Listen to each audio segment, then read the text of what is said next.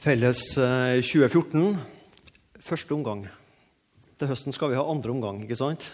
Det som er en god fotballkamp til første og andre omgang. Fire møter nå eh, før påske, der temaet er hvorfor menighet, hvorfor kirkelyd, hvorfor menighet. Alt etter hva slags dialekt du har. I dag er det meg. skal snakke om å speile seg i Jesus og de første kristne. Neste søndag er det Leif Tingbø. Da skal vi bli, få denne tanken inn hva kan vi i vår menighet, vi i Norge, lære av kristne fra andre land? Vi tenker lett vi gir disse afrikanerne og vi gir asiatene og søramerikanerne Vi gir dem evangeliet. Vi gir dem, vi gir dem. Nå skal vi snu litt på det. Hva kan vi lære av dem? Det blir spennende, Leif. To uker, Sølve Salte.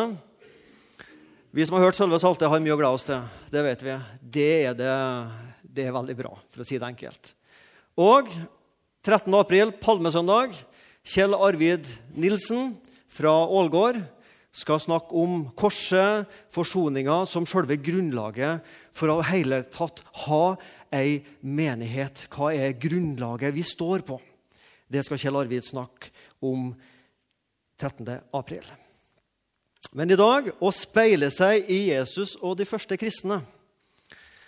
Og vi ber sammen. Herre Jesus, takk at du har satt opp et bilde, et forbilde, um, i deg sjøl og de første kristne. Hvem du er, Jesus, hva du har gjort, og hvordan de første kristne levde sammen og hadde sammen.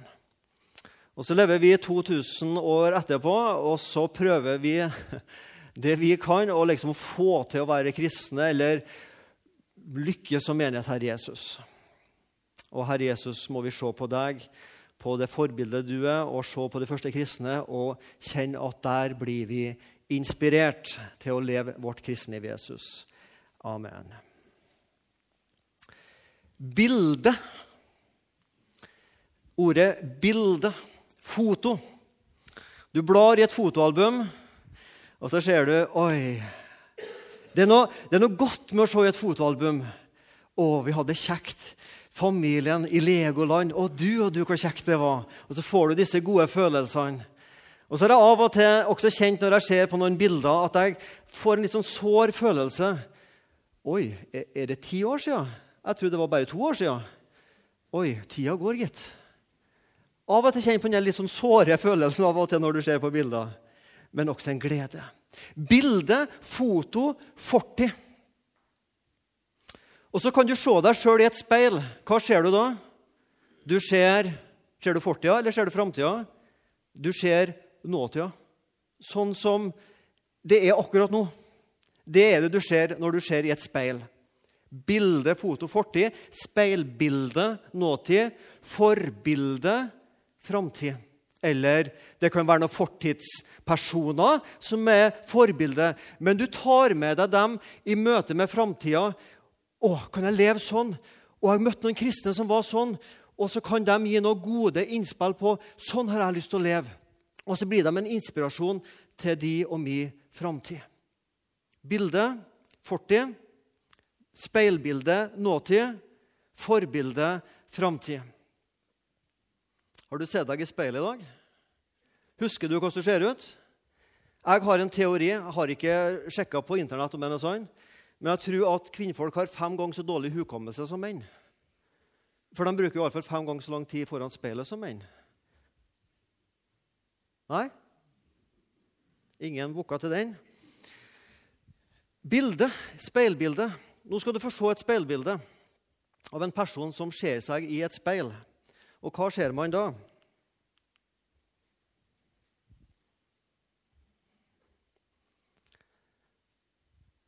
Det er meg. Ikke sikkert du ser det, men det er meg. Som ser meg sjøl i et speil. Det er virkeligheten noen minutter hver morgen. Da ser jeg ca. sånn ut. Jeg bruker ikke mange sekunder på det speilbildet der. Men det er virkeligheten. Altså, Jeg kan ikke komme unna. Sånn ser jeg ut, faktisk av og til. Speilbildet, folkens, det viser meg sannheten om meg sjøl nå. Og den er ikke alltid behagelig. Jeg kan speile meg i et speil, og du skjønner dette er jo et bilde på noe. ikke sant? Du kan speile deg i Guds ord, og jeg ser åh. Og Det var ikke alltid behagelig å speile seg i Guds ord, for det var synd. Og så ser jeg jeg svikta. Det var nederlag, og det var noen skuffelser. Kristenlivet ble ikke sånn som jeg hadde håpa på. Speilbildet er ærlig, men ikke alltid behagelig. Speilbildet er mitt synsfelt, men Gud har et annet synsfelt. Du kan se i et speil, og så kan du se Kristus. Og Det er mye bedre å se enn trøtt og kjedelig ansikt. For 300 år siden levde en person som heter grev von Sinsendorf. Har du hørt om han? Grev von Sinsendorf. Han var en av flere som på en måte ble ledere og opphavsmenn til denne åndsretningen som kalles pietismen. Han var en greve, og han var på en kunstutstilling, grev von Sinsendorf. Og På denne kunstutstillinga så, så han et bilde, et maleri av den korsfestede Kristus. Det var sikkert ikke det bildet du ser her, men et bilde av den korsfestede Kristus. Og Han ble stående og se på det bildet, og det bildet grep han så sterkt. Og han syntes Gud sa han, 'Dette har jeg gjort for deg. Hva har du gjort for meg?' Dette har jeg gjort for deg. Hva har du gjort for meg? Og så ble pietismen opptatt av det personlige, nære relasjon til Gud. Ikke bare om å ha rett lære, men å leve personlig med Kristus. Det å se på den korsfestede Kristus. Det å prioritere i hverdagen bønn og Bibel for å nære det kristne livet. Det ble veldig viktig for pietistene å leve for Guds rike og ikke for verden. Og så gikk det jo selvfølgelig litt sånn over styr av og til at det blir veldig regelbundet. Du har lov til det, og du har ikke lov til det. Det er jo det mange husker pietismen for. Men det det handla om, det var å se på Kristus. Og bruke livet til å se på Jesus og bli så inspirert av han at jeg vil leve for Jesus. Det er han som teller mest. Og da er det mye i verden som bleikner i sammenligning. Det var det pietistene var opptatt av. Og vil du kalle meg en pietist, så vil jeg si takk det vil jeg ta som en ærestittel. Jeg ønsker å være som pietistene på mange måter. Å se på Kristus istedenfor å se sitt eget trøtte virkelighetsbilde, som skaper skuffelse og nederlag. Så se på Kristus og bli inspirert. Å speile Jesus og de første kristne. Nå speiler vi Jesus. Relasjonen Jesus og meg, relasjonen Jesus og deg, er verdens viktigste relasjon. Relasjonen deg og meg og Jesus er verdens viktigste relasjon. Jeg skal fortelle dere historien om, eh, om en eh, prest som hadde en opplevelse. De, kjente, de Gud kjente, til å bli formet etter hans sønns bilde, Romerne 8,29. De som Gud kjente, til å bli formet etter hans sønns bilde. En som i dag er prest, han forteller fra da han gikk på ungdomsskolen.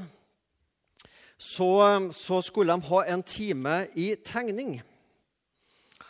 Og De hadde en lærer som var litt sånn tverr og bitter av natur. Det virka som om læreren ønska at elevene skulle føle seg så dårlig som mulig. Han var kunstlærer. Og Mens elevene fikk oppgaver, så brukte han å gå rundt i klasserommet. Så stelte han seg bak eleven og pulten. Ja Og så gikk han videre. Det var det han brukte. Han sa lite, men han stilte seg bak stolen, kikka på det eleven gjorde, og så kom det bare et Ja. Og denne eleven sier at det var ikke rart at vi elevene vi følte oss jo helt bånn i bøtta. Han ga jo oss aldri noen positive tilbakemeldinger. Og En dag denne læreren kom og stilte seg bak meg, så visste jeg hva som ville komme. sier denne eleven. Så før han fikk begynt å puste og si ja, så sa jeg hva, hva syns du om det jeg tegner? Er ikke det fint? Ja Det er nok det beste du har gjort det semesteret her, ja. Var det læreren hadde å si. Men så sier denne eleven en dag så lærte vi noe. En dag så lærte vi noe veldig viktig. Han ga oss et blankt ark og en penn, og så sa han nå skal dere tegne hånda deres. Ikke sånn strek av sånn som vi av og til ungene gjør, men dere skal se på hånda deres, og så skal dere tegne hånda deres. Og vi elevene vi gikk i gang. Vi så på hånda, og så prøvde vi å tegne hånda vår. Og Denne dagen skjedde noe veldig rart, sier eleven. For denne læreren han kom ikke rundt og kikka. Han sto bare framme med kateteret sånn. Og Etter noen minutter så avbrøt han og så sa han, elever, dere har sikkert lagt merke til at jeg ikke har gått rundt i dag og kikka på det dere har tegna. Jeg har stått her ved kateteret. Men jeg kan allerede si at det dere har tegna, ikke er en god tegning av hånda deres. Det er en dårlig bilde av hånda dere tegna. Hvordan kunne han vite det? Han hadde jo stått der, han hadde jo ikke gått rundt og kikka. Så sier han noe interessant. Jeg har sett på dere. 80% av tida har dere sett på avbildet, altså tegninga av hånda, og bare 20% av tida har dere sett på originalen, sjølve hånda.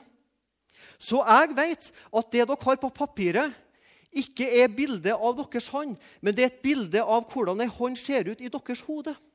Det er det dere har på arket. Og så sa læreren nå skal dere gjøre det motsatte. Snu arket. Finn fram penna. Og så skal dere gjøre det motsatte. 80% av tida så skal dere se på handa og tegne samtidig.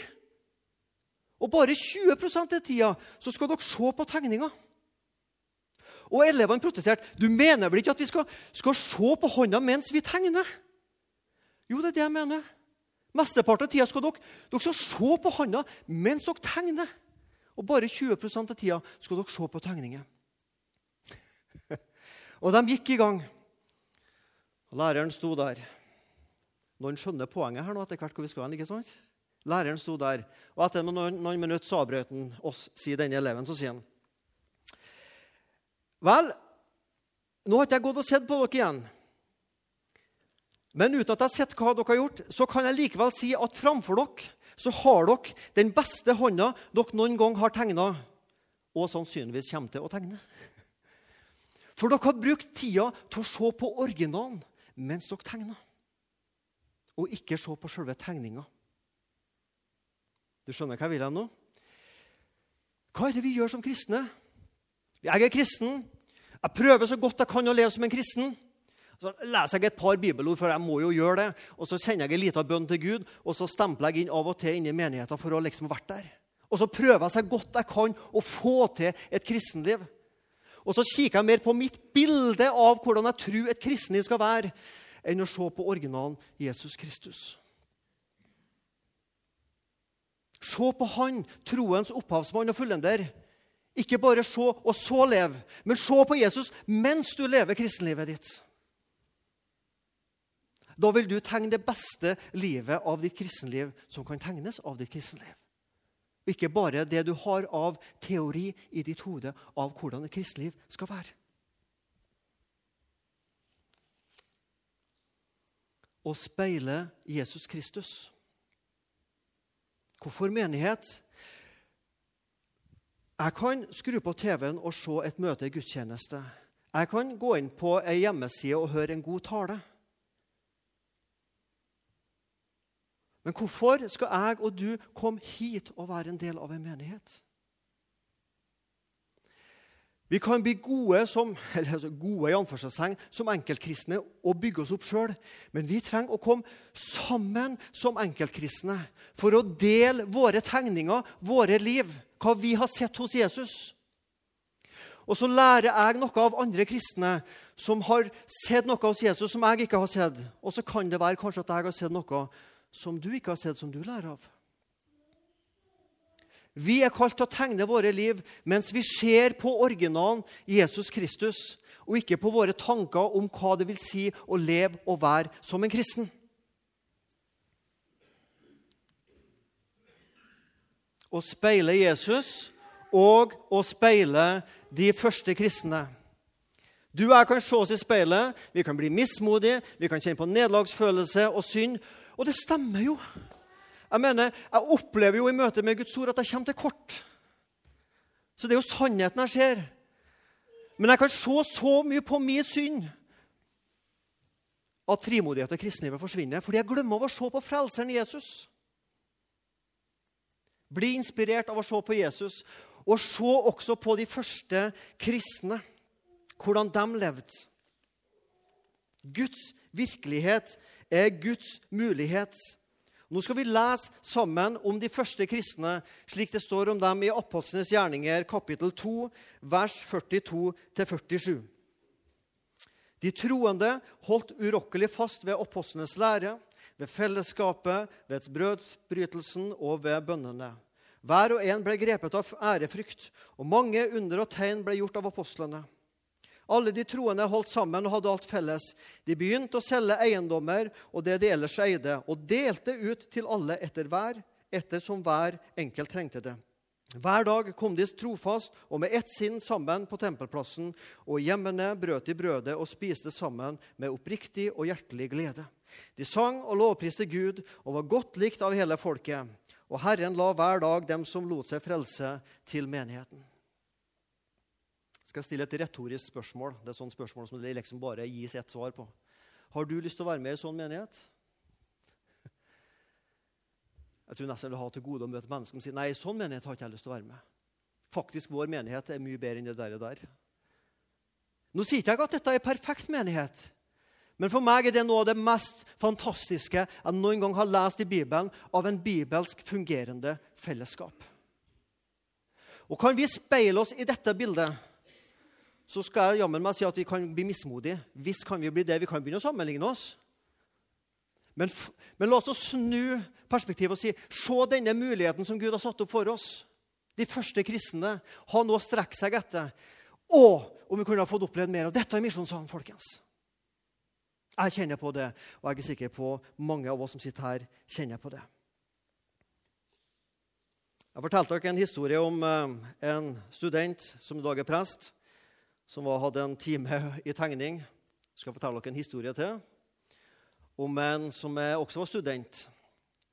Jeg skal fortelle dere historien om student Bill og doktor B. Og En del av dere som sitter her, var på eh, medlemsmøte i januar. Da jobba vi med den teksten der i gruppa, og jeg fortalte den samme historien da. Men ikke alle var der, så jeg skal fortelle den samme historien igjen. Om student Bill og doktor B. Doktor B han var ingen doktor. Han hadde doktorgrad i teologi og hadde det vanskelige navnet Gilbert Belisikian. Så studentene kalte han bare doktor B. Og student Bill, som var ca. 20 år. Student Bill var vokst opp i en kristen familie og i en kristen kirke. Og Det bildet han så i den menigheten han vokste opp, når han så på det bildet og sammenligna det med det bildet her, så skal du få konklusjonen på han når du hører hva student Bill sier. Student Bill om sin barndomskirke. Det var en død kirke. Den satt fast i følelsesløse tradisjoner. Den var låst fast i formaliteter og ritualer som verken ga mening for vanlige folk eller engasjerte noen. I løpet av de 20 årene jeg var i kirken, så jeg, ikke, så er ingen voksne omvende seg eller å blir døpt. De var baptister, så de hadde jo voksendåp da. Så langt jeg kunne se, fant ingen i løpet av disse årene troen for første gang i kirken. Når folk lå i strid med hverandre, satte de seg på hver side av møterommet, var sure og ble aldri forsonet. Det var lite åndelig vekst å bli lik Kristus. Det var ingen gavestrøm til de fattige, ingen broer ble bygget til andre etniske grupper og raser. Få frimodige bønner ble bedt, og så langt jeg kan se, heller ingen av bønnene ble besvart. En gang inviterte jeg en venn til kirken. Det var det dårligste valget jeg har gjort. Vennen endte opp lenger borte fra Gud og kirke enn han ville ha gjort hvis jeg ikke hadde invitert ham med. Så Da student Bill flytta fra heimen sin, så bestemte han seg for å kutte ut det som har med kirke og kristendom å gjøre. Student Bill han kommer til en kristen eh, college, og der møter han doktor B. Doktor Theol Belisikian. Og han sier, Vi satt i et klasserom og hørte doktor B argumentere lidenskapelig for at det er ingenting som skjønnheten, kraften og potensialet i den lokale kirken når den arbeider rett. Doktor B leste fra Apostlenes gjerninger 2, 42-47, det som vi har lest nå. Og så sa han Det var en gang i tiden et fellesskap av troende som var så radikalt hengitte til Gud. Alt det Gud ba dem om å gjøre, det gjorde de. Og alt det han ba dem om å stoppe å gjøre, det stoppet de med. Han utfordret hver enkelt ut på troens grenser, og de gikk dit for å se hvor Gud ville ta dem. Hvis det en gang i tiden fantes et slikt fellesskap av troende, så utviklet dette fellesskapet en radikal kjærlighetsfellesskap til hverandre. De ble som en familie. De delte måltidene i hverandres hjem, og de stoppet med å late som. De delte livene sine på et dypt plan. De erfarte hva det vil si å kjenne og være kjent, å elske og være elsket, å tjene og å bli tjent. De ble som en familie. Det fantes en gang en kirke som var slik. Denne kirken tok vekk alle rasemessige og kjønnsmessige skiller. I den samme kirken tok de rike seg av de fattige, og de fattige mistet ikke sin verdighet i denne prosessen. I den samme kirke ble modige bønner bedt og ble svart, og Guds mektige hånd var over den, slik at folk ble vant til å rope etter et 'wow' i frykt og undring. Den samme kirke brydde seg så mye om de som var utenfor troen, at de spredte troen kreativt og uimotståelig, selv om de risikerte sine liv. Dette var under tid med forfølgelse hvor de kunne miste sitt eget liv ved å dele troen. De gjorde det likevel. En gang i tiden så var det et sånn menighet i Jerusalem. Student Bill forteller at doktor B snakket om hva en kirke kunne og skulle være. Og han avsluttet noen av sine timer med å si følgende.: Fortell meg, studenter, svar meg på dette spørsmålet. Hvis en slik kirke eksisterte på vår planet i det første århundret etter Kristus, fortell meg hvorfor en slik kirke ikke kan eksistere i vår kultur i dag. Har Gud mistet sin innflytelse? Er Bibelen ikke lenger kraftfull? Har Den hellige ånd falt i søvn? Hvorfor kan ikke en slik kirke skje igjen i dag? Det finnes ingen gode grunner for at det ikke kan skje. Det kan skje, og det må skje. Men noen må forandre sine karriereplaner. Studenter, det trengs folk som dere for å bygge slike kirker. Jeg ber dere sånn. Jeg ber dere uten å skjemmes eller unnskylde meg på noen måte. Sett alle, dine, alle, alle dine andre planer til side. Gi deg selv til Gud og prøv å bygge slike ting som kalles bibelsk fungerende fellesskap. Når du kommer til slutten av ditt liv og ser deg tilbake, så vil du ikke angre. Hva vil du bruke tida di på, kjære student Bill? Det var det han sa, doktor B. Og student Bill sier en dag doktor B snakket om dette, så løp jeg ut av klasserommet fordi jeg var for stolt til å la mine medstudenter se mine følelser og tårer. Jeg satte meg i bilen. Jeg satte meg i bilen og ga mitt liv til dette å bygge Guds kirke. For doktor B hadde tegnet et bilde av en stor visjon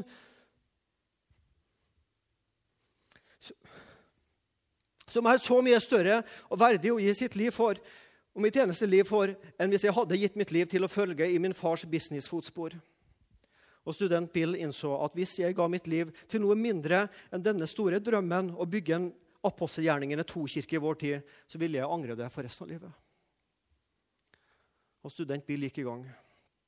Og student Bill er ingen hvem som helst. Han er blitt en verdenskirkeleder. Og flere titalls, hundre tusen mennesker har fått sine liv og tjenester forandra ved å bli inspirert av Bill Hybels i ei menighet i Chicago. For det var en som tegna en visjon. Det kan lages en menighet og skapes en menighet som er sånn i Sandnes i 2014. Her sitter vi 100 mennesker. Fortell meg Fortell meg!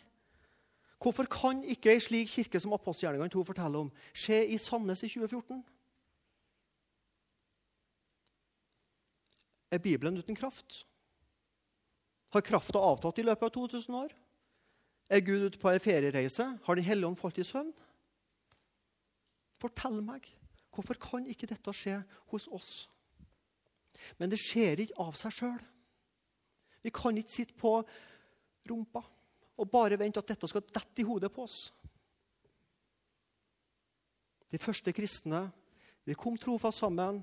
Bibel, bønn, brødsbrytelse, broder- og søsterfellesskapet. Og Det ble en sånn radikal kjærlighetsfellesskap de troende imellom at de delte alt. De kom med det de hadde, delte ut til dem som trengte. Spiste sammen, hadde fellesskap. Og jeg vet Det er vanskelig å snakke om dette, for man kan bli veldig konkret og man kan bli veldig sånn slavisk og lovisk på forskjellige ting. Så ta det, ta det med kjærlighet, det jeg nå sier.